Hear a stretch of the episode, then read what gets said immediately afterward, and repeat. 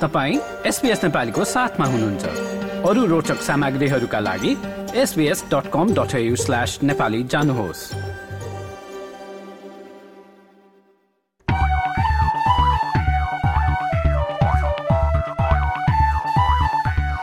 र सामुदायिक गतिविधिको कुरा गर्दा चाहिँ श्रोताबिन्द ताजमेनियातिर बस्नुहुन्छ भने चाहिँ आफ्नो दक्षता अनुसारको काम पाउनका लागि करियर कोचिङ कार्यक्रम हुँदैछ। नेपाली सोसाइटी अफ ताजमेनियाले चौबिस जनवरीमा गर्ने कार्यक्रमका बारेमा थप जान्नका लागि चाहिँ सम्बन्धित संस्थाको वेबसाइटमा यहाँहरू जान सक्नुहुनेछ। यसै गरी अस्ट्रेलियन नेपाल पब्लिक लिङ्कको आयोजनामा चौबिस जनवरीमा जल सुरक्षा सम्बन्धी तालिम हुँदैछ। तिनवटा समूहमा विभाजित कार्यक्रमको तेस्रो समूहको तालिम चौबिस जनवरीमा हुने भएको हो र अस्ट्रेलियन नेपाल पब्लिक लिङ्ककै आयोजनामा भिक्टोरियामा बस्ने नेपाली समुदाय लक्षित मेन्टल हेल्थ फर्स्ट एड तालिम पनि हुँदैछ। फेब्रुअरी तिन र चार तारिकमा। यसै गरी उक्त संस्थाकै आयोजनामा मेन्टल वेलबिङ र रेजिलेन्स ट्रेनिङ नामक कार्यक्रम पनि हुँदैछ। स्वस्थ व्यवहारद्वारा मानसिक स्वास्थ्य सुधार कसरी गर्ने भन्ने कुरा उक्त तालिममा सिकाइने बताइएको छ र सत्र फेब्रुअरी सन् दुई हजार चौबिसमा उक्त कार्यक्रमको आयोजना हुँदैछ।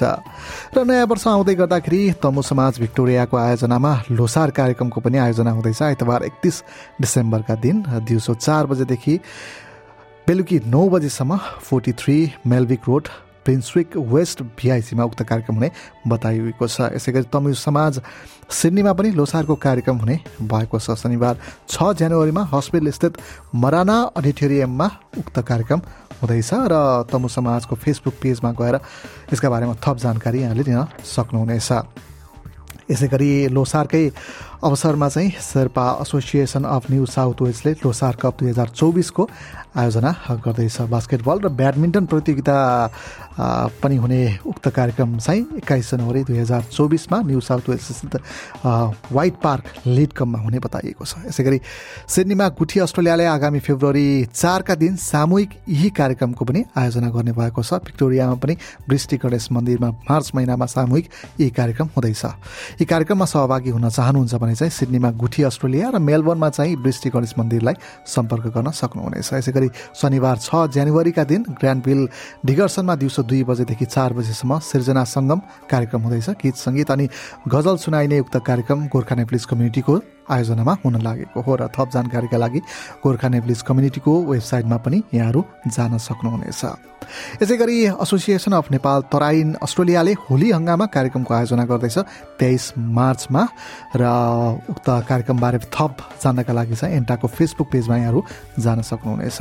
यसै गरी ताजमेनियामा भने युनिभर्सिटी क्लबको आयोजनामा होवर्ड सोसियल वर्ल्ड कप दुई हजार चौबिस आयोजना हुने भएको छ र तेस्रो संस्करणको खेलमा चाहिँ मार्फा एफसी क्लबले टिम नेपालको नेतृत्व गर्दैछ र यी त थिए सामुदायिक गतिविधि र तपाईँले पनि केही कार्यक्रम आयोजना गर्दै हुनुहुन्छ भने चाहिँ कृपया हामीलाई जानकारी दिनुहोला। यसै गरी हामी रेडियो मार्फत श्रोताहरूलाई जानकारी गराउनेछौँ र हामीलाई सम्पर्क गर्न हाम्रो इमेल ठेगाना चाहिँ Nepali dot program at the rate SPS dot com dot AU रहेको छ र फेसबुक वा ट्विटर मार्फत पनि हामीलाई सम्पर्क गर्न यहाँले सक्नुहुनेछ।